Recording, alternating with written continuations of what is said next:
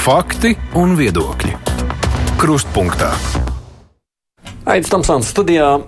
Darba devēja ar vien uztaigāk un skaļāk aicina runāt par darba roku trūkumu, mudinot nu, vienkāršot atļauju saņemšanu viestrādnieku piesaistīšanai.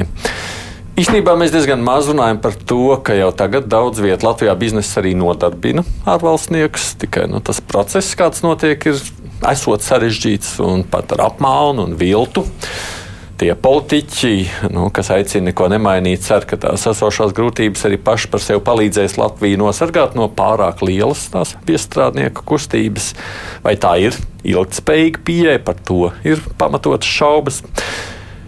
Kas notiek, ja mēs neko nemainām, un kas notiek, ja tie vārti viestrādniekiem tiek pavērti plašāk? Kāda klausītāja ir aicinājuši diskusijā iesaistīt arī darba ņēmēju pārstāvis, tādēļ mēs esam arī lūkojušies to nozaru virzienā, kur tas darba spēka trūkums vismaz oficiāli tiek minēts kā viens no visaktīvāk jūtamiem. Viena no tādām jomām ir būvniecība, tādēļ studijā šeit ir Latvijas būvniecības nozares arotbiedrības priekšsēdētājs Mārtiņš Dunskis. Labdien jums! Sveicināti! Nu, teiksim tā, no darba devējiem. Mēs šoreiz esam uzrunājuši Baltikovo. Šeit ir Baltikovo komunikācijas un attīstības direktors Toms Auškāps. Labdien! Labdien! Ekonomikas ministrija pārstāvi analītika pārstāv analītikas dienas vadītāja Dāca Zīle. Labdien jums! Labdien! Un no nodarbinātības valsts aģentūras kruspunktā piedalās direktore Evita Simpsona. Labdien! Labdien! Kā tad ir Baltikovā ar tām vakancēm un viestrādnieku piesaistīšanu? Varat padalīties savu škapkungs? Jā, labdien vēlreiz! Uh Nu, tā, sākšu laikam ar to, ka mēs, mēs atrodamies reģionā. Mūsu galvenā mītne ir tātad Diecavā, un vēl, vēl, protams, mums ir struktūra vienības gan Madonā, gan Daugopilī, gan Vilcē, gan Bēnē.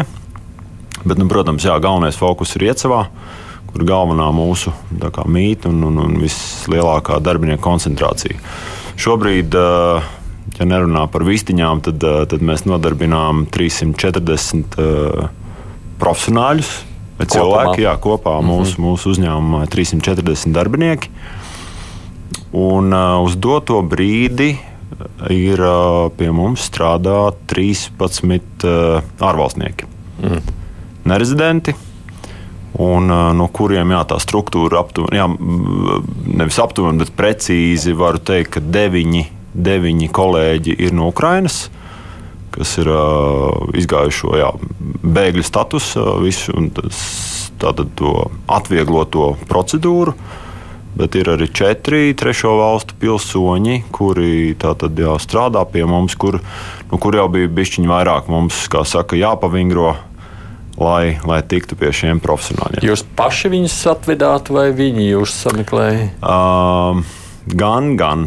Gan, jo ir, te, te, te nu ir jau tā nianse, ka ar dažiem mēs patiešām strādājām, daži, daži pie mums ir nodarbināti arī caur, caur šīm trešajām pusēm, caur šīm aģentūrām, un, uh, kur, manuprāt, jā, tas arī nav īsti ilgspējīgs risinājums, un, un, un, un primāri jau runājot jā, par to, kur nonāk nodokļi. Un, ja tas, ja tas ir kaut kas jāpārāk. Jā. Bet, nu, principā, primāri tie ir mūsu, mūsu pašu uzrunāti, atrasti caur kolēģiem. Bieži vien arī šie jau integrētie kolēģi, kas ir no trešām valstīm, viņi bieži vien arī piespēlē kādus vēl mhm. kadrus. Un, un, un, bet, bet joprojām, jā, ja nav šis bēgļu status, jā, tad, ir, tad ir visi šie vingrojuma virkne mums jāizpilda, nu, kas, kas nebūtu nav atvieglojuši pasākums. Ar vietējiem pietrūkst? Nu, es domāju, vietējiem strādniekiem, Latvijas strādniekiem. Es teiktu, ka nepietiek vai pietrūkst. Jā, tas ir tāds jā, arī relatīvs jēdziens. Jā, tikko jau mēs atskaņojām, šobrīd vakardien mums bija vadības sanāksme, ir šobrīd ir aktuālas 18 vakances. Jā, kolēģi jau pat izreikināja, cik tie ir procenti. Mhm. Uh, tā tad, jā, protams, ka ļoti izaicinoši ir tieši maskvalificētais darba spēks, jā, kur, kuri, kas, kas prasa milzīgu administratīvo resursu katru reizi. Uh, iet cauri šim procesam, un tur, tur šī mainība ļoti augsta. Un, uh, tur ir vairākas, vairākas arī nianses uh, par, par to arī.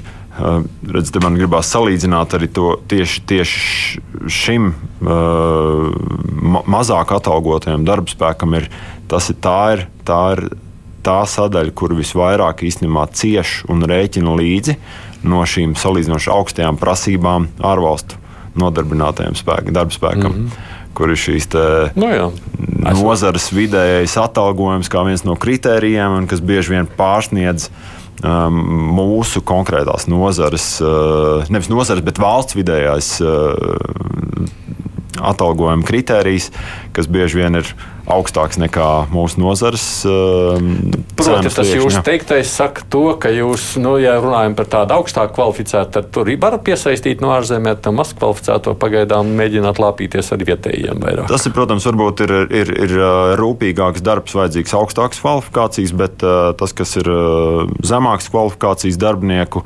administrēšana prasa milzīgu milzīgi resursi, jo tur ir, tur ir tieši ar vislielākā mainība mm. un rotācija. Par to mēs arī parunāsim. Kāda ir situācija būvniecībā, ja mēs vispār runājam par būvniecībā un darba, darba roku trūkumu? Kā jūs, kā no arotbiedrības puses, vispār zināt to situāciju?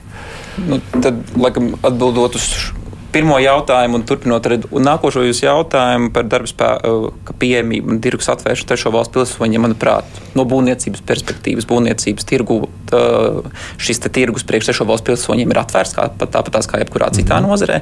Jau šobrīd var ieviest gan maz kvalificētus darbiniekus, gan arī augstu kvalificētus darbiniekus. Augstu kvalificētiem darbiniekiem ir atvieglotāks režīms, tiem, kur ir īpašā sarakstā, ir vēl atvieglotāks režīms, līdz ar to darba spēks jau šobrīd ir vaļā. Un tiek vests. Un tiek vests. Šobrīd mm -hmm. aptuveni Pagājušajā gadā būvniecībā aptuveni bija nepilni 4000 būvniecībā noda, būvniecības uzņēmumos strādājošie, kuri, kuri, bija, vest, kuri bija ārvalstnieki, respektīvi vest no trešajām valstīm. Līdz ar to es teiktu, ka ir atvērts, jau tiek vests. Mm -hmm. Manuprāt, īsti šobrīd nav pamata runāt par to, ka vajadzētu kaut ko īpašāk tagad vērt vaļā. Par to mēs arī parunāsim, bet, bet vispār skatoties uz būvniecības nozari kā tādu, nu, tur darba roku trūkums ir joprojām aktualitāte. Kā no kuras puses skatās, es domāju, ka Revits no. tas Silīns kundze noteikti labāk palabos, bet uh, šobrīd es zinu, ka darba devēja mēdz skaļi teikt, ka, piemēram, būvniecībā trūks 4000, 6000 nodarbināto. Jā. Bet tas, kas netiek paskatīts dziļāk, kad ja mēneša sākumā parādās 4000 jaunas vakances, nākošā mēneša beigās lielākā daļa no viņiem jau ir pazuduši.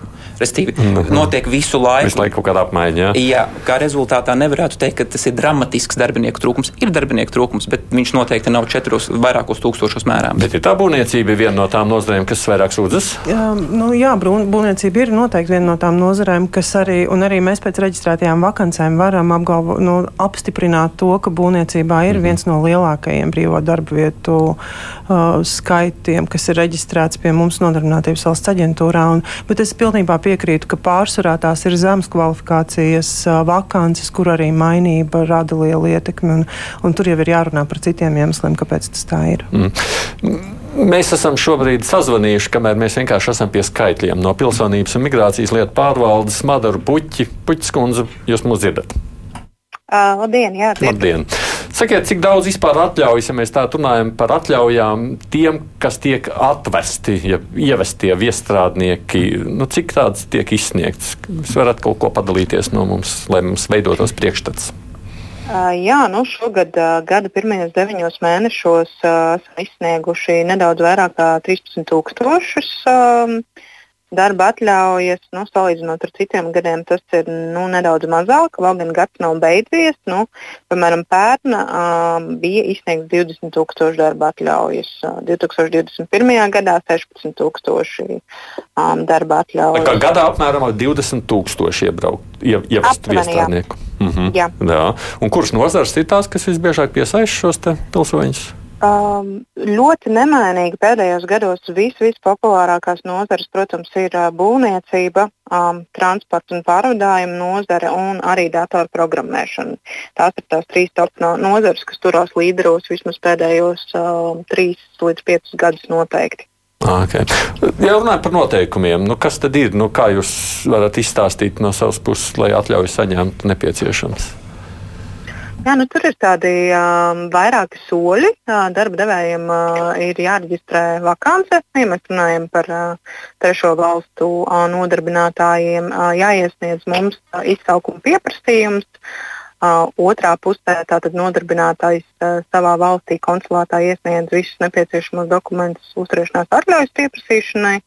Nu, tad jau tālāk viss process noriet, no, norit pie mums Latvijā. Uzturēšanās atļaujas ēdīkārtas noformēšana.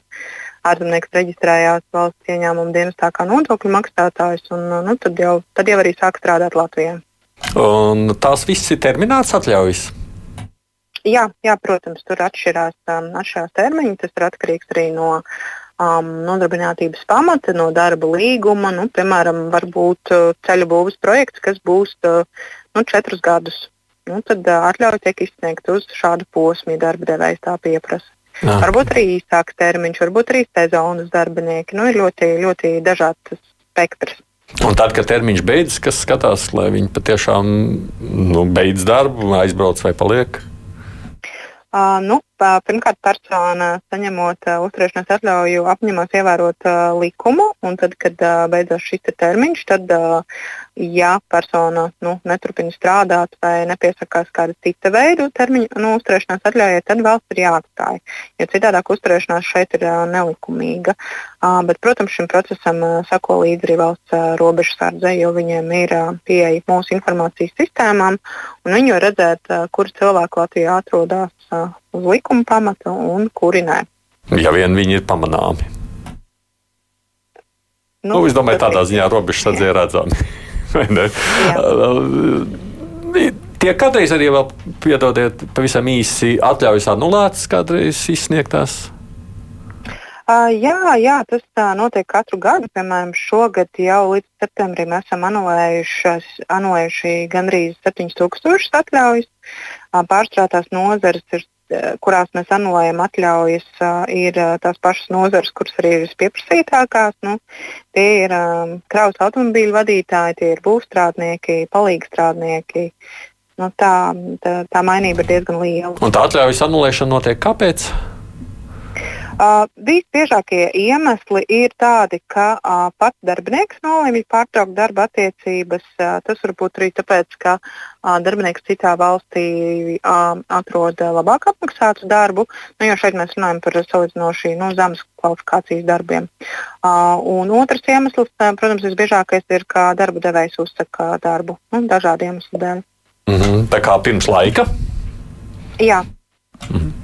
7000 salīdzinoši tomēr šķiet diezgan daudz, ja runājam par 20 tūkstošu ieviešanu. Nu, jā, jā. Nu, tās ir tādas profesijas, kur, nu, kur tā mainība ir nu, ļoti augsta. Jā, tā, tā būvstrādnieki, kravas automobīļu vadītāji un palīgstrādnieki.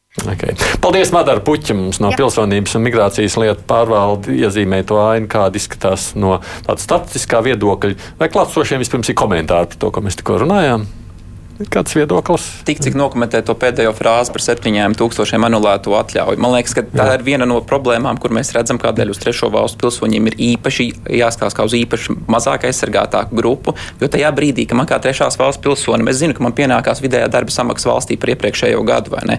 Bet, ja man viņu gadījumā nemaksā, ja es sākšu celt troksni, tad mans darba devējs vienkārši uzteiks darba līgumu, un 7 līdz 30 dienu laikā man būs lūgums pamirst šo valsti.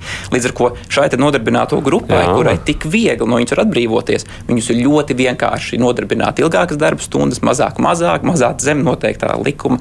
Beigās varbūt paprasīt vēl kaut ko atpakaļ, likt papildus darbus darīt. Nu, Restīvi, visu, ko vien tāds negodprātīgs darba devējs var iedomāties, viņš visu to var darīt. Un tā ir realitāte, kas notiek, ja jūs sakāt. Jā, kas ir aspekts, par ko mums arī būtu jārunā. Bet skatoties uz visu šo kopējo ainu, nu, mēs apmēram cik varējām iezīmējām to reālo situāciju ir kaut kas jāmaina esošajā kārtībā vai nē. Un droši vien te gribētu sākt to vārdu pirms ekonomikas ministrijai, kas vēl nav tikusi pie runāšanas. Jā, paldies. Nu, es no ekonomikas ministrijas puses vispirms gribētu sākt ar to, ka vērst uzmanību uz esošajiem resursiem, kādi mums Latvijā jau šobrīd ir pieejami. Jo nav noslēpums, ka jau ilgtermiņā mums ir vērojama uh, iedzīvotāju skaita samazināšanās tendence, turklāt uh, iedzīvotāju darbspējas vecumā paliek aizvien mazāk. Šī grupa sarūk straujāk nekā iedzīvotāju skaits kopumā. Tātad nu, tā matemātika ir visai vienkārša. Ja mēs kā sabiedrība gribam dzīvot aizvien labāk un gribam dzīvot uh, labi un pārtikuši un uh, virzīties uz Eiropas Savienības vidējo dzīves līmeni, tad, nu, skatoties ilgtermiņa demogrāfijā, ir diezgan saprotams, ka katram darba spējas vecuma iedzīvotājam, katrai darba galvai un darba rokām ir jāspēj saradīt vismaz tikpat vai vēl vairāk iekšzemes koprodukts, kā tas tiek darīts līdz šim. Uh, un tāpēc arī ekonomikas ministrija ir uh, atbalstījusi pieeju, kad ir jā, jāsaglabā šī vidējā alga tautsēmniecībā kā kritērijs, kas aptuveni līdzsvarojās ar uh, produktivitāti, ko darbinieks pieņem, pienes uzņēmumam. Jo ilgtermiņā, protams, neviens darba devējs nemaksās vairāk darbiniekam, kā ir vērts darbinieku pienesums uzņēmumam. Jo, ja nevienīgi nenotiek tā, kā tikko sociālās biedrības pārstāvs. Nu, es domāju, ka tur ir darbs valsts darba inspekcijai, un no, arotbiedrība noteikti var sniegt būtisku būtisku atbalstu šiem cilvēkiem, kas ir nonākuši tādā neapskaužamā situācijā. Tas ir skaidrs, bet turpinot pašu ideju, mēs gan pie tās tēmas vēl nonāksim, bet runājot par pašu domu kā tādu. Nu, labi, atstājot vidējo samaksu kā tādu, kaut ko citu vajag mainīt, nu, mainīt tam, kā ir bijis līdz šim. Eh, tas, ko vajadzētu mainīt, kā ir bijis līdz šim, eh, ir eh, ekonomikas transformācija. Šie vārdi, kas jau vairāk kārt ir izskanējuši ēterā. Un ar to saprotot, tieši dot iespēju uzņēmējiem un darbiniekiem radīt vairāk iekšzemes koprodukta, vairāk lielāku vērtību ar tiem pašiem resursiem. Ja mums šobrīd Latvijā ir pieejami kā, kā darba spēks 934 tūkstoši iedzīvotāji, kas būtu nu, ekonomiski aktīvo iedzīvotāju kopskaits, tad Eiropas Savienība, kurā, kuras dalība valsts mēs esam, mums ir 210 miljardi ekonomiski aktīvo iedzīvotāju. Un, piedāvājot konkurētspējīgu atalgojumu apstākļos, kur ir brīva darba spēka kustība, kur nav nepieciešami šie uzaicinājumi un visas formalitātes ar vīzu kārtošanu. Es saskatu, ka tur noteikti arī ir potenciāls uzņēmējiem atrast sev nepieciešamos darbiniekus.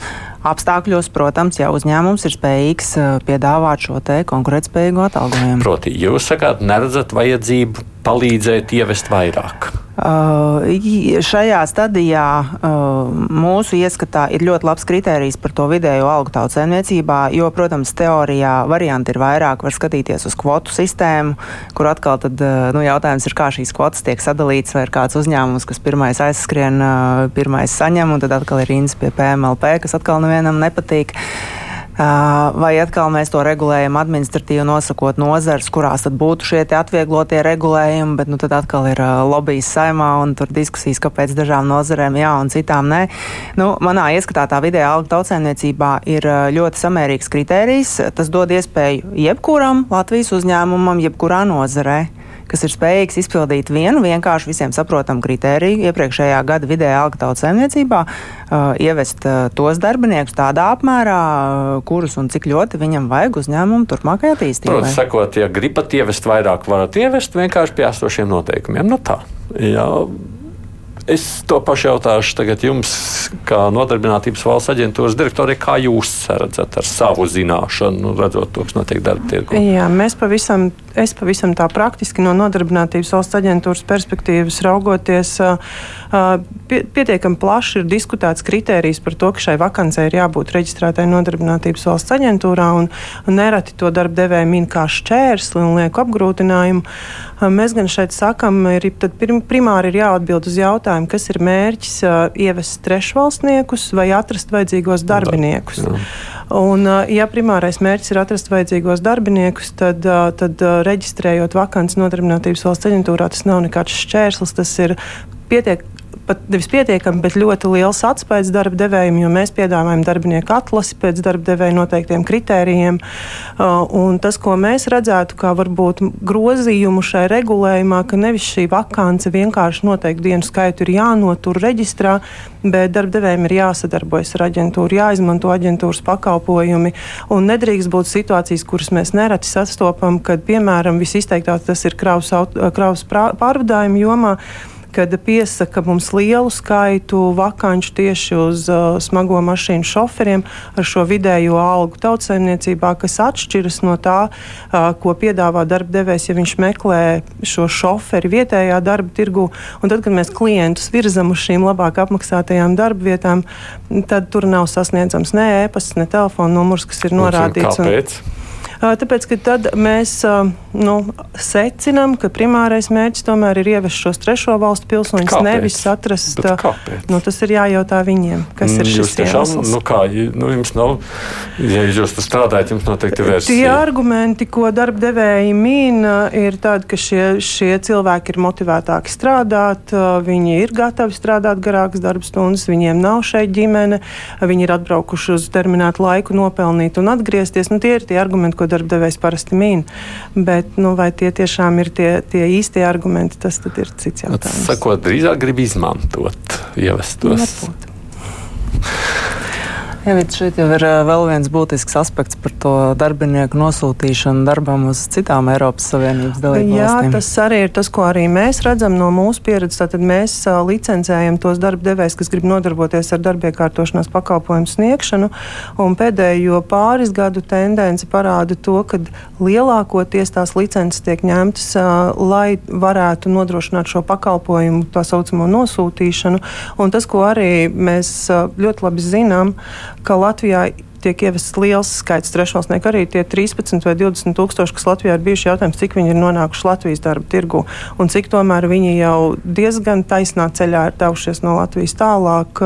Un mēs arī esam jau sastapušies ar citu Eiropas valstu neapmierinātību, ka caur Latvijas darba vīzām ieplūst citās valstīs to valstu prasībām neatbilstošs darbspēks. À, kas nozīmē, ka viņi nemaz ne uz šejieni. It kā priekš sevis, bet realitātē citiem Jā. gādājam.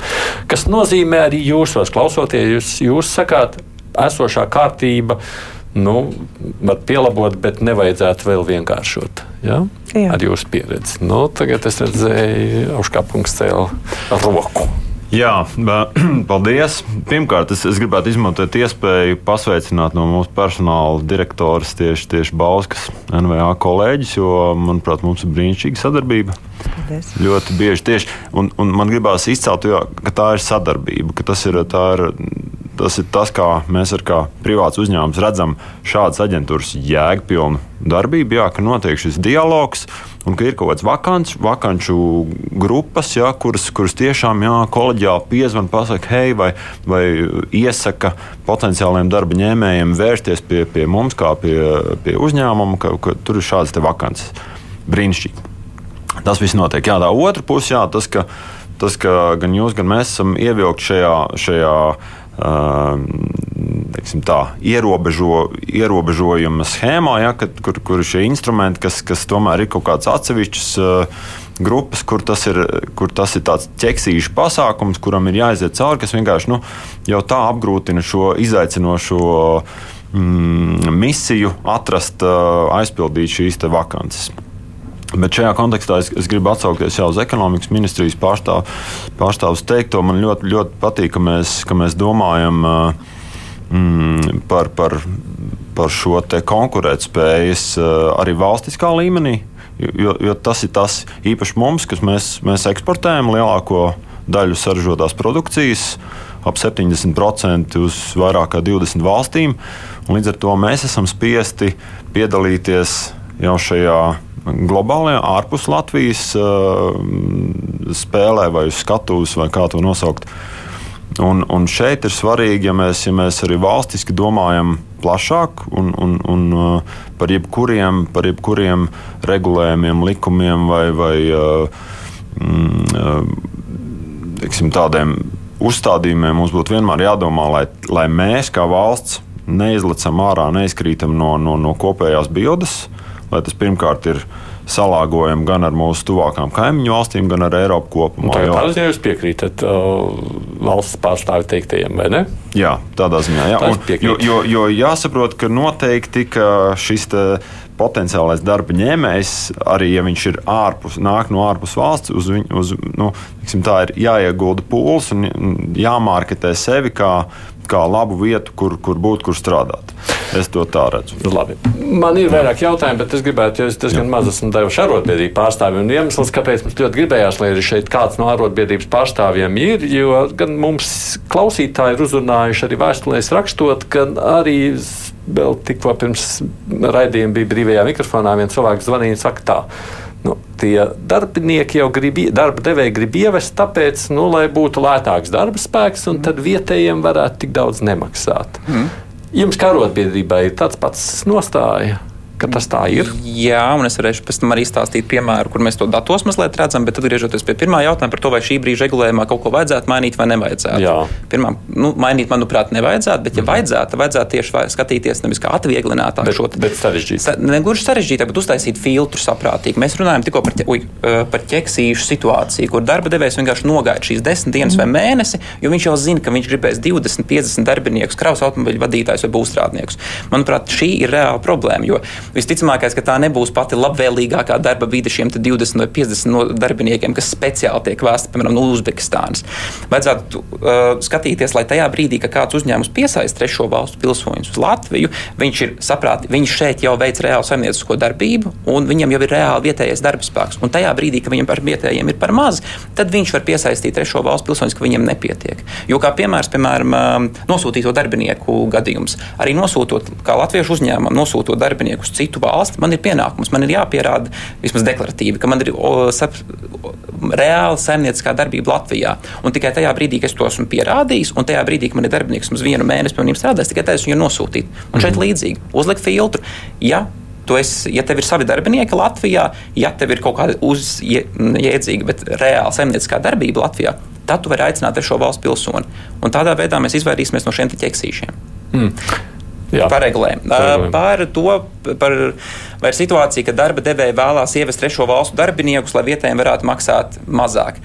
Es nevaru apgalvot to par pilnīgi visiem. Tas būtu absolūti mums blakus. Es pieņemu ļoti kārtīgs, godīgs, liels uzņēmējs, un arī daudzi citi lieli kārtīgi uzņēmēji, kur tiešām rūpējās par visiem saviem darbiniekiem, neatkarīgi no tā, vai tie ir vietējie vai ievestie. Tā kā absolutizēt to noteikti nedrīkstētu. Bet tajā pašā laikā, diemžēl, ir dažādas nozares ar savām specifikām. Tajā skaitā ir raupjākas nozares ar lielāku ēnu ekonomikas īpatsvaru, kā piemēram būvniecība kur uh, mūsuprāt, jā, dar liel, šie, piemēram, darbinieks no Uzbekistānas. Viņš tiek ievests Latvijā, jo viņam varbūt uz papīra jāmaksā pagājušajā gadā 1277 eiro, bet reālajā dzīvē var jau izdomāt kaut kādu citādāku veidu, kā viņam samaksāt mazāk. Tas rada spiedienu uz vietējiem, jo vietējiem saka, ja tu negribi strādāt, man tas ir vienkāršāko darbu veids, mēs paņemsim no turienes. Viņš vai nu ir spiests strādāt par tādu pašu samaksu, ne mazāku samaksu, vai viņš ir spiests braukt uz kādu citu valstu, kā Norvēģiju, Dāniju, Zviedriju, kur ir daudz lielāka darba samaksa, jo nu, darbinieks arī skaidrs, cik viņš saņem. Mm. Un par to praktisko piemēru, kurš tad pierāda mūsu šo aizdomu. Mēs palūdzām valsts ieņēmuma dienestam sniegt informāciju par tām personām, kurām ir termiņu uzturēšanās atļaujas un kuras strādā tieši būvniecībā par 2022. gadu. Mēs šajā sarakstā redzam, ka ir vairāk kā 540, 550 dažādas profesijas, tajā skaitā remontstrādnieks. Tad sanāk tā, ka visticamākais, ka remontstrādniekam, kurš pagājušajā gadā strādā ar termiņu uzturēšanās atļauju, ir jāmaksā vismaz 2021. gada vidējā alga, kas ir 1277 eiro. Un mums to vajadzētu redzēt statistikā. Bet, kā izrādās, ja mēs skatāmies uz šo sadaļu, būvstrādnieks, tad mēs redzam, ka vidēji šī profesija grupa šajā gadā ir pelnījusi 890 eiro, kas ir par 300-400 eiro mazāk. Un tur radās jautājums, kā tā var būt, ka netiek izpildīts pat minimālā prasība. Un atbildi īstenībā ir ļoti vienkārša, tāpēc, ka Uzbeki, piemēram, Uzbekistānas darbinieki, kas ir viena no dominējošajām būvniecībām, mm -hmm. Uzbekistānā minimālā alga pagājušajā gadā bija 72 eiro. Iedomājieties, ja jūs aizbraucat uz Latviju, kur jums maksā 12 reizes vairāk. Nemaksā līdz galam to, ko vajadzētu, bet vienalga 12 reizes jūs strīdētos. Ļoti liela iespējamība, ka nē. Un pat ja strīdētos, nu, mēs paši es pieņemu, ka uzdodam šo jautājumu, kas ir sliktākais, kas var notikt. Un sliktākais, kas var notikt, mans darba devējs atcels manu ielūgumu vai uzaicinājumu, kā rezultātā man būs lūgums pamest šo valstu, kur es pelnu 12 reizes vairāk nekā manas valsts minimālā alga. Un tas viss veido fonu, kas nav pārāk labvēlīgs šeit. Cik grupai. daudz mēs zinām, jūs kā arotbiedrība zināt, cik daudz latviešu būvnieku tādu strādā Norvēģijā un visur citur? Mēs varam spriest oficiāli tikai izējot no A1 eh, no nosūtīšanas datiem par A1 certifikātiem, kas ir eh, restīvi apliecinājums, ka darbi, latviešu darbinieks, kurš strādā latviešu uzņēmumā, dodas strādāt uz kādu citu Eiropas valsti. Mēs varam pēc tā spriest, Jā. un skatoties pēc tā, mēs redzam, ka latviešu uzņēmumi būvniecībā ir nosūt, izņēmuši A1 certifikātus, nosūtījuši citām valstīm strādāt aptuveni mazliet vairāk kā 5000 darbinieku. Jā. Mums ir kāda precizācija, vai mēs vispār sekojam līdzi, cik Latvijas strādājot. Jā, nu, tur ir devīli zina detaļas, tāpēc, ka uh, uz vienu darbinieku var izņemt vairāk šīs A1 formas uz dažādām valstīm. Uh, tad tur ir dinamika nu, atkarībā par termiņiem, kad viņas izņem. Var izņemt uh, uz, uz trīs mēnešiem, var izņemt uz pusgadu. Uh, tur tas nav, nav mm -hmm. tik vienkārši un viennozīmīgi. Bet mēs, man liekas, daudzi zinām par latviešu būvniekiem, kas pelnās kaut kur ārpus Latvijas. Nu, kā eksports, es domāju, tas ir atzinīgi novērtējams. Vai ne? Un tajā pašā laikā paši vedam no citurienes. Tā ir pieminētās kaut vai Uzbekistānas. Ja drīkst, jā, man, man ļoti, ļoti patīk šī tajā, filtra, filtra principa lieta, jo es, es pat saskatu šajā, šajā gadījumā, ka mēs kā darba devējs tiekam diezgan spēcīgi ierobežots un arī nedaudz kropļots tas, tas iekšējais klimats. Ar to, ka jā, šīs prasības, manuprāt, ir 1373. Jā, tas 20, ir šogad. Jā, šogad. Un, un attiecīgi, lai nu, mums krāvēja operatoru atalgojums ir aptuveni ap 6 eiro stundas likme, ja tas ir 168 stundas, ja tas sanāk kaut kādi, ja nemaldos, ap 1012 eiro. Uh, un, un, un, attiecīgi, ja, ja mēs esam spiesti izsludināt šīs te, uh, vakances, kas atbilst šim vidējiem valsts izpēļņiem, ja, tad tur jau, un, un es teiktu, ka tie mūsu vietējie uh, kolēģi, kas ir, kas ir no Latvijas, protams, viņi ļoti labi māk rēķināt. Ja, un, un tur rodas arī šī rīvēšanās iekšēji, un uh, mēs, protams, esam spiesti. Uh, mūsu pašu darbiniekiem kaut kādā veidā veidot šīs KPI motivācijas sistēmas, ja, kur viņiem ir iespēja piepelnīties vairāk, lai viņi, lai viņi nebūtu izstumti ārā. Uh, un, mm. Bet kas savukārt, ja mēs salīdzinām nozari, nozara algas, tieši mūsu konkrētās pārtiks ražošanu ar, ar, ar citām valstīm, te atkal te mums jā, jādomā par to eksporta spēju, mums jāsalīdzina, kā vai cik mēs ar šo algu esam konkurētspējīgi uz pasaules, uz pasaules kartes atkal. Jo, Bet šī vingrošana visu laiku ir nepieciešama, lai kaut kā to balansu uzturētu vienā vai otrā virzienā. Vismaz tā aizsecina, klausoties jūsos. Es tikai atgādināšu tiem, kas varbūt vēlāk pieslēdzas. Mums šeit ir no ekonomikas ministrijas Dāca Zīle, no Būvniecības nozares arotbiedrības priekšstādātais Mārtiņš Dunskis, no Nodarbinātības valsts aģentūras direktora Revita Simpsona un arī no Baltikovo komunikācijas attīstības direktors Toms Auškāps. Raidījums Krustpunktā. Kāpēc šī diskusija šķiet šajā brīdī tāda svarīga? Jo man, nu, es pilnīgi noteikti pamanām publiskajā vidē tādu gan darba devēju spiedienu, sakot, ka lūk, mums vajadzētu vienkāršot, gan arī man šķiet politisku atsaucību. It īpaši skatoties uz pašreizējo valdības nu, apņemšanos kaut ko šajā lietas labā darīt. Un tad ir tas jautājums, lūk, kā tad atrast līdzsvaru starp to, ko jūs sakāt, ka nevajadzētu neko mainīt. Un realitātē taču ir tā, ka mums tā darba spēka tomēr nu, ir pamaz vai nav par maz kopumā. Tad kā tad ir tā situācija? Jūsuprāt, mums to Latvijas cilvēku, mēs redzam demogrāfiju, mēs daudz runājam par to bedru, kas tur veidojas ar vien sliktāk, mums tas darba spēka, nu, kā, darba roku skaits samazinās kopējais. Nu, ir tā vajadzība objektīva kaut ko vispār ievest vai nav? Uh, nu, šeit es domāju, jāpaskatās druskuļi garākā termiņā, jo uh, skaidrs ir tas, ka absolūti komforta ap apstākļos uh, progress un inovācijas notiek uh, gausi un lēnām. Un, jā, iedzīvotāju skaits samazinās. Šobrīd ir pilnīgs darba ņēmēju tirgus. Darba ņēmējiem ir iespējas atrast uh, darbu atbilstoši savām prasmēm un iemaņām. Tā kā nu, kaut ko mācoties, kaut ko jaunu, paplašinot savas uh, prasmes, noteikti situācija darba tirgu uh, konkrētiem cilvēkam uzlabotos. Un, un es domāju, ka, nu, jā, protams, ir tas spiediens no darba devējiem turpināt darbu kā līdz šim. Ir diezgan skaidrs, ka to darba roku nepietiks. Nepietiks. Bet, bet, nepietiks, bet, bet tāpat laikā, paskatoties ilgtermiņā, piemēram, mums ir tāda laba latviešu filma, kur vienam patīkamam jaunam cilvēkam māma bija veļas mazgātāja. Un tad, kad viņam tur sanāca ķibeles laulības dzīvē, tad viņš gāja pie viņas, jo māma mācīja tos krāklus mazgāt. Nu, mūsdienās tāda profesija, individuālais komersants, veļas mazgātājs, man liekas, nav ļoti izplatīta Latvijā. Nu, vienkārši ar šo piemēru es gribēju teikt, ka uh, dzīve iet uz priekšu. Uh, jā, uh, kaut kāda spiediena rezultātā veidojās inovācijas. Jā, mums ir uh, uzņēmumi, kas šobrīd piedāvā ķīmiskās tīrīšanas pakalpojumus uh, un tā tālāk un tā joprojām. Uh, tāpat laikā viņiem tas uh, iekšzemes koprodukts uh, uz, uz nodarbināto vai tas saradītais labums uz nodarbināto noteikti ir daudz augstāks un dod iespēju cilvēkiem nopelnīt lielāku algu un radīt sev labākus dzīves apstākļus ir, ir daudz lielākas nekā salīdzinot ar šo dāmu konkrētajā filmā. Nu, tu, piemēram, piemēram, ko mēs redzam, ja tā tad kasieru pie pārtiks veikala kasēm kļūst ar vien mazāk, tāpēc, ka aizvietojas ar automātiem, bet beig beigās koprodukti jau ražojam? Un es gribētu teikt, ka šī te inovācijas ieviešana ar uh, pašapkalpošanās kasēm noteikti neradās no tā, ka bija rinda entuziastiem, kas ir gatavi sēdēt kasēs. Beig beigās iespējas šādā veidā darbdevējiem iziet no situācijas. Vai jūs nu, redzat to, ka pie pašreizējās situācijas nu, mēs varam turpināt cik ilgi neko nemainot? Nu, kaut arī no jūsu nozares spiedienā. Jā, nu, pieņemsim. No, uh, nu, es, es noteikti redzu, ka, jā, ka mē, mēs esam ļoti šīs demografiskās bedres ietekmē.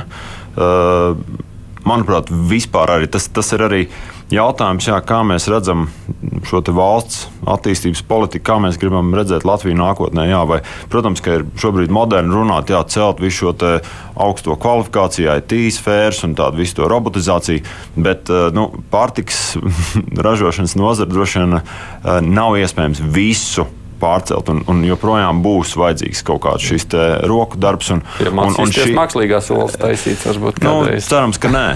cerams, ka nē. Mēs esam ārkārtīgi augstu efektivitāti sasnieguši un, un, un, un ļoti augsts robotizācijas līmenis. Eh, vis, bet, bet, bet joprojām ir mums tie 340 darbinieki. Un, un ja, mēs, ja mēs vēlamies Latvijā redzēt spēcīgus, lielus ražošanas uzņēmumus, bez tā neiztikt. Un, un, protams, ka mēs darām visu iespējamo, lai to celtu, bet, bet vienlaicīgi mēs nedrīkstam aizmirst, jā, ka kāds ir tas valsts kurs, vai, vai mēs gribam visi tikai būt, vai nu, jā, es atvainojos par to IT speciālistu, jā, vai, vai būs arī, vai mēs uh, radām pievilcīgu darba vidi. Jo šobrīd es, es uzskatu, ka tas ir tiešām, ja runā par jauno paudzi, kurš, kurš vēlas iet strādāt pārtiks nozarē. Vai Bet vai, tas pats mazkvalificētais darbinieks jums šobrīd joprojām ir vajadzīgs, vai ne? Un jūs, kā jūs sakāt, tur liela mainība ir. Bet beig, beigās tā pašreizējā kārtība liek jums vingrot, kā jūs sakāt, vai ne? Tur, tur, tur atrast, tur īpaši piepūlēties, lai viņi. Nu, tā vingrošana vēl nāk pa viešu tam, ka jau tāpat ir pietiekami daudz izaicinājumu vispār uzrunāt uh, cilvēkus nākt uz šo nozaru, un tad, un tad vēl ir šie papildus vingrojumi, kas to neatvieglo. Nu, no jūsu puses es saprotu, jūs gribētu, ka tas vieglāk tiktu, nu, tā darbi, darbinieku piesaistīšana būtu vienkāršāka nu, no, no uzņēmuma viedokļa. Jūs te valstiski mēģināt skatīties, sakot, jā, jā, saprotat. Jā. Jā, tieši tā. Nu, jautājums viens ir, lai mēs būtu biznesa efektīvi, strādātu. Otrs ir, vai, vai valstī ir vīzija, vai mēs šāda tipa uzņēmumus gribam redzēt Latvijā. Vai mēs gribam ražot šādu pievienoto vērtību vai iepirkt pārtiku no citām valstīm, vai vispār no ārpus Eiropas nākotnē. Varbūt tā ir Eiropas vīzija. Nu, arī nu, es, es esmu spiests domāt tādās, tādos līmeņos. Nu, tajā mēs... pašā laikā vēl tajā visā vīzijā domājot, mēs arī domājam, nu, kāda būs Latvija pēc gadiem. Vai mēs gribam, ka to pārņem Uzbekistānas strādnieki, vai mēs gribam, ka te arī latviešiem paliek vietas, kur strādāt. Un tāpēc tas jautājums ir, nu, ko tad darīt? Nu, laikam jāsaka to, ka nevar nepiekrist tam, ko sākumā teica Dārts, ka gribot, negribot, mēs latviešu, darb, latviešu populāciju noveco. Mums vienkārši matemātiski vienā brīdī trūks cilvēkus, kas strādā, vai nu mums ir ļoti, ļoti strauji jāceļ sava produktivitāte, vai nu arī vienā brīdī jāņem cilvēki no citām vietām, ne no Latvijas. Līdz ar to apstākļus, ka mēs aicināsim kādus ticamākais. Nu, to izslēgt būtu muļķīgi. Kādreiz pienāks. Kādreiz vairāk. pienāks. Mm -hmm. Jautājums tikai no kurienes un kādos daudzumos. Jo arī šobrīd, piemēram, Latvijā, mēs esam Eiropas Savienībā. Latvijā šobrīd jau rīt var strādāt jebkurš cilvēks no Eiropas Savienības. Kādēļ mēs tajā brīdī, kad mums trūks darba spēks, neskatāmies uz šīm valstīm? Un atbildes visticamākais ir tā, ka tāpēc, ka viņi tik ļoti neskrien uz mūsu šo, šo vidējo algu, jo tā priekš viņiem ir par mazu. Līdz ar to teikt, ka vispār nav darba rokas, tā nevar teikt. Vienkārši nav darba rokas par tādu summu. Un tad nāk šīs trešās valsts, kurš mūsu algas, šī vidēja alga, jau liekas simpātiski. Un tur man liekas, ir jābūt uzmanīgam. Ja mūsu mērķis, ļoti Toms pateica par to, kāds ir mūsu kurs šobrīd, eh, vai nu konkrēts nozars vai valsts, ja mūsu kurs, piemēram, būvniecības nozarē, ir turpināt rākt būvbedri ar četriem, darbi, ar četriem cilvēkiem, kas strādā ar lāpstu, nu tad gribot, negribot, mums nāksies vest, piemēram, cilvēks no Uzbekistānas, kas ar rokām šo vienu bedri raks. Bet no otras puses, ja mēs gribam iet uz augstas pievienotās vērtības nozari, uz produktivitāti un uz tehnoloģisku attīstību, tad visticamākais, ka varbūt četrus darbiniekus no trešajām valstīm, kuriem katram jāmaksā kaut kāda konkrēta darba samaksa, var aizstāt varbūt ar vienu darbinieku, kurš vienkārši strādā ar ekskavātoru.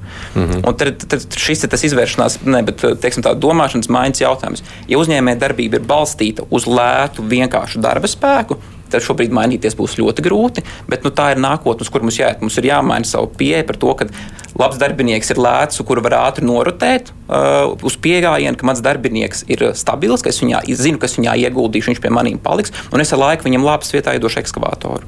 Pirms mēs pieķeramies vēl vienam aspektam, cik jūsuprāt, un tas droši vien abām jums jautājums, mēs varam. No, tā kā nu, ar jūsu eksperts acīm skatoties, atļauties neko nemainīt pagaidām pašreizajā kārtībā, nu, lai piespiestu arī darba devējiem un vispār sabiedrībai mainīties uz to kvalitātes pusi, nevis uz kvantitātes. Nu, kā jau šeit arī izskanēja, tas jautājums ir kādu ceļu mēs izvēlamies. Vai mēs izvēlamies turpināt, ka mums ir četri, četri uzbeki ar lāpstām? To es negribētu izvēlēties. Es gribētu izvēlēties to, ko viņi abi saka. Ja, ja es izvēlos to, ko viņi abi saka, cik ilgi mēs varam tomēr atstāt šo darbu tirgu? Tad nu, ir jautājums, kādas lēmumus mēs pieņemsim un kā mēs attīstīsim to darba spēku rezervi, kas ir šeit Latvijā. Jo ir brīnišķīgs Latvijas bankas pētījums arī par to, kāda vēl joprojām ir, ir neapzinātā rezerva. Latvijas darba spēka rezerva. Un, ja mēs skatāmies, tad nodarbinā darbspējas vecumā vīrieši vecumā no 47 līdz pensijas vecumam 47%, ja es pareizi atceros. Uh, uh, ir nenodarbināti. Tā tad tur ir milzīgi rezervi ir jādomā, kā šos cilvēkus atbalstīt, lai viņi nonāktu darba nu, mēs tirgu. Mēs sakām, viņš tur dzer, viņš darba. Tad nu, jautājums, kāpēc viņš dzer? Mums nodarbinātības valsts aģentūrai ir mūsu filiāļu tīkls pa visu valsti, kopumā 30 klientu apkalpošanas centri, un mēs arī no Rīgas regulāri izbraucam, lai uzzinātu, kāda tad ir tā realitāte katrā vienā vietā. Un tas, ko mēs saprotam, ka jebkur, kur mēs nonākam, katrā, katrā reģionā, katrā centrā ir vietas, kas ir nesasniedzamas. Mm ir, ir tādi aklie punkti, kur nav pietiekams loģistikas, lai cilvēki no turienes nonāktu uz ekonomiski aktīvajām vietām un varētu būt nodarbināti. Līdz ar to tur veidojās ilgstošais bezdarbs, tur veidojās arī līdzi nākošās visādas atkarības problēmas un tam līdzīgi. Tad ir jautājums, ko mēs darām ar šiem cilvēkiem, kā mēs palīdzam viņiem integrēties darba tirgu, vai mēs saglabājam to, ka viņi tur dzīvo, pieņemam, ka tur mums ir uh, zināms iedzīvotāju daudzums un, un turpinam viņus uzturēt no, um, bezdarbnieku reģistrā, maksāt pašvaldību pabalstus un neko ar to nedarīt, vai tomēr skatīties, lai arī viņu bērni nepaliktu tādā situācijā, kā, kā ir viņi. Pēdējais es jums varbūt papildus jautājumu, bet varbūt arī pamatjautājumu tam politiskam spiedienam būs iespējas nu, tādā ziņā stāvēt pretī, lai mēs varētu strādāt uz savu rezervi apgūšanu, nevis ieviešanu. Nu, tas droši vien jāprasa politiķiem, cik stipri viņi ša, šajā jā. pozīcijā jūtās. Manā ieskatā jau tiešām ļoti daudz tiek darīts gan cilvēku kapitāla attīstības politikas saskaņošanā, gan arī esošās programmas, kas ir NVA par atbalstu darbspēku mobilitātei, visi šie transporta un uh, uzturēšanās vietas uh, maksājumu, atbalsta mm. maksājumi. Tas, ko par iekšējām rezervēm runājot, mēs kā ekonomikas ministri esam pētījuši mēs reiz divos gados, un nākamgad atkal būs aktualizētā versija darba tirgus vidēji ilgtermiņa prognozēm. Mēs redzam, ka Latvijā mums ir 95 tūkstoši pārpalikums darbiniekiem ar pamata un vispārēju vidējo izglītību, kas ar samērīgu, mērķētu atbalstu varētu tikt pārkvalificēti par vidējās profesionālās kvalifikācijas profesijām, tādējādi risinot prognozēto iztrūkumu 69 tūkstoši vidējas kvalifikācijas profesijām. Mm. Un otrs, tas neatbilstība bloks ir saistībā ar iztrūkumu STEM augstākajai izglītībai. Tur gan situācija ir uzlabojusies pateicoties ilgadējai veiksmīgai sadarbībai ar Izglītības un zinātnes ministriju, kur prognozētais iztrūkums bija gandrīz 20 tūkstoši, tagad mēs esam tikuši līdz 9100. Tātad tieši nu, pārdalot par labu budžeta vietas augstskolās šīm STEM jomām. Un, un vēl neatbildētais jautājums ir, kā risināt pārpalikumu sociālajās un humanitārajās zinātnēs pārpalikumu personām ar augstāko izglītību. Tātad bija prognozēts pārpalikums 26,500, pēc 20. gada prognozēm gandrīz 22,000. Nu, tātad situācija ir uzlabojusies, un šeit interesanti pieminēt, ka kaut arī budžeta vietas sociālajās un humanitārajās zinātnēs praktiski ir nogrieztas uz nulli, tāpat cilvēki, kas ir. Nu, Tātad šis ir tas ilgtermiņa stāsts, ja mēs uh, 12 gadus mācāmies par Raini, cik ļoti mēs varam aiziet uz RTU un studēt inženierzinātnes. No, nu, šie visi aspekti ir. Es zinu, to jums jādodas tulīt prom. Ir ko piebilst vēl beigās pēc visa, ko esam runājuši. Es gribēju varbūt vēl vienu, ja drīkst, Jā. kliedēt, iespējami mītu par to, ka nu, mēs diezgan uzsēdāmies to, to, to zemākas kvalifikācijas, bet es gribēju varbūt arī izcelt to, ka mums ir uh, samērā arī vidēji, es teiktu, viena trešdaļa no maniem minētiem ārvalstu rezidentiem ir, ir augsts un ļoti augsts kvalifikācijas kolēģi, kas ir gan no, gan no Ukrainas, gan no Armēnijas. Eh, kur, kur ir eh, tiešām ļoti, mums ir mūsu putnukopības direktora, veterinārās galvenā, ir ar ļoti plašu pasaules redzējumu, un, un šie cilvēki ir ļoti dziļi, arī pārējie kolēģi ir eh, ir ļoti dziļi integrēti uzņēmumā. Ar visiem tiem, viņi, viņi nav tā tādi nu, kaut kādi ielāpa, tāda sajūta. Viņi ir ar visiem tiem pašiem labumiem. Mēs, eh, kā saka, bišķiņi eh, palokamies, lai tur kaut kādām valodām viņi mācās. Visiem ir iespēja mācīties latviešu valodu. Viņi ļoti, ļoti motivēti un ātri apgūst un, un, un, un pilnvērtīgi integrējās. Un par, par šādiem uh, pilsoņiem, potenciāliem pilsoņiem, man milzīgs prieks ir, ja, nu, ka, mums, ka mums šis. Tā, jā, arī augsti kvalificēts, uh, intelektuāls šāds te uh, Latvijai ir pienesums. Un, un tāpēc jā, nu, tā ir vienkārši vēl tāda replika, lai, lai, lai, lai, mēs nedomājam tikai jā, par šiem mm -hmm. uh, racējiem vai tā. tā kā, Nav nu, tikai šāda. Protams, jā. droši vien mums kā sabiedrībai arī noteikti šī sabiedrības daļa uh, uztrauc krietni mazāk nekā šī mazkvalificētā. Augškāpkungam jāskrien uz Rīgas domu, pēc dažām minūtēm jābūt tur, tāpēc es saku jums paldies, ka atnācāt šeit studiju. Tikai pabeidzot vēl mazliet to dažus aspektus, kas mums ir pēdējās minūtēs palikuši par jūsu pieminēto, ka mēs taču ievedam viestrādniekus, lai viņus aizvestu prom. Savukārt darba devēja reizēm saka, ka mēs jau te savukārt, lai piesaistītu Latvijā, tad reģistrējam tur Polijā un tad tur nāk no Polijas uz Latviju. Tā ir tāda apusēja kustība. Bet... Jā, tā Nē. noteikti ir apusēja kustība, bet es domāju, ka tam ļoti iedomāti pozitīvajam polijas piemēram vajadzētu mazināties arī ņemot vērā to, kas ir pēdējo dienu nācis gaismā pēdējo, pēdējās dienās šie notikumi Polijā, kā ir tirgotas šīs Schengens vīzas, mm. un ka tomēr tā nav bijusi godprātīga praksa, kā šie, kā šie cilvēki ir piesaistīti Eiropas darba tirgumu. Un, un kopumā es teiktu, ka nu, Latvijai ir viens no vienkāršākajiem procesiem, kā piesaistīt trešo valstu pilsoņus, ja mēs salīdzinām kopumā Eiropas Savienības kontekstā. Mm. Un te jūs pieminējāt, sakot, ka lai nav tā, ka mēs savukārt sagādājam citām valstīm nepatikšanas tur, ko var darīt lietas labā.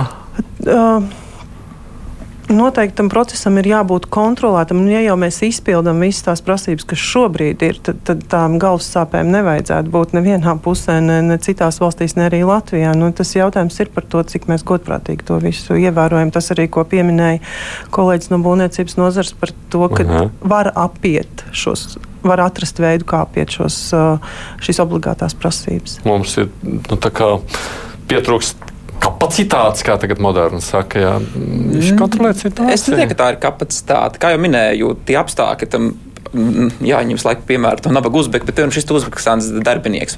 Tajā brīdī, kad viņš ir šeit, lai redzētu, ka kaut kur ir problēma, viņam pašam kaut kur ir jāiziet, lai viņš atnāktu uz arotbiedrību vai uz valsts ieņēmumu dienas, viņš apzinās šo, te, šo te neizbēgamo risku. Es kaut kur pasūdzēšos, mani aizsūtīs prom.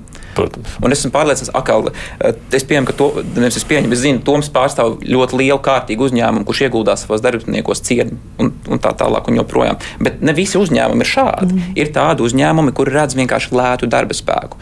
Un, un attieksme līdz ar ko par šādu nodarbinātu ir daudz citādāka ar visu biedēšanu un visu citu.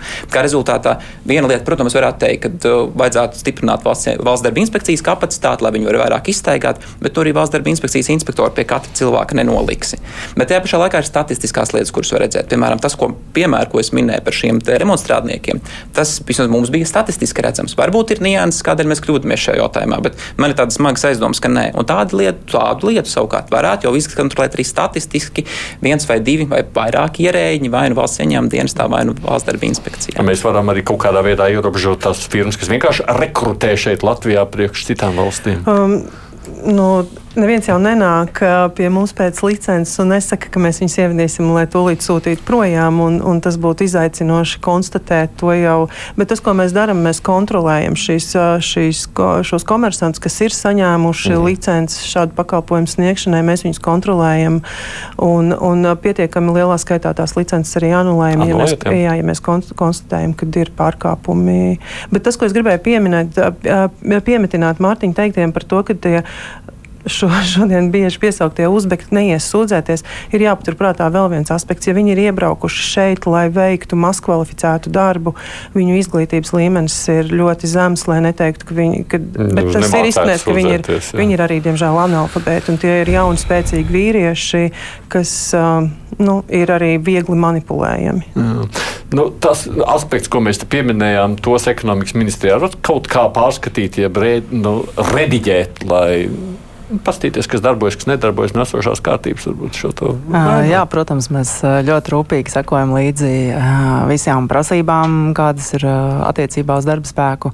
Esam vērtējuši arī šo procesu saistībā ar darbinieku ieviešanu. Un, Kā, kā jau izskanēja, Latvijā patiešām ir viens no vieglākajiem un saprotamākajiem veidiem, kā ievest darbiniekus Eiropas Savienības dalību valstī. PMLP ir manā ieskatā izcils un lietotājiem ļoti draudzīgs, draudzīga sistēma izveidota, kur mājaslapā pa soļiem klikšķinot uz priekšu, es gribu ievest darbinieku uz tādu un tādu laiku no tādas un tādas valsts, tad nu, tālāk arī pa soļiem parādās, kas ir jāizdara vai kas nav jāizdara. Kā, jā. Klausoties šīs dienas diskusijā, man ir viens secinājums, vismaz ar tiem cilvēkiem, ar ko es šeit biju studijā, kas, manuprāt, pārstāv kvalificēti savas gan nozares, gan sava darba specifiku, nevajag neko Latvijā mainīt tādā ziņā, lai mēs vēl vienkāršo darba spēku ieviešanu vismaz pagaidām neko nevajag mainīt.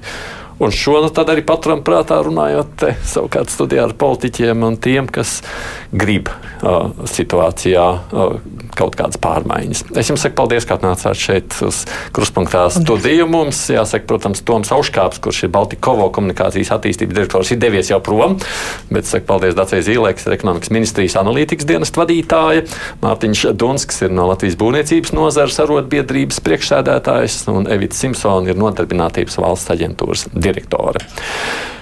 Rīt mēs runāsim par to, kas notiek veselības aprūpas jomā. Mums, kā jau ceturtdienās, ir amatpersonu dienas. Tātad tā ir tas nu, formāts, kad klausītāji un žurnālisti uzdod kādas no augstajām amatpersonām jautājumus. Šajā reizē būs studijā veselības ministrs jaunais Hasams Abu Mērī. Nu, tur gan arī atzīst, veselības aprūpē darbinieku trūkums ir tāda ar vienu nopietnāku problēmu, bet nu, noteikti mēs runāsim arī par naudas trūkumu. Tātad ministram būs iespēja atbildēt uz jautājumiem.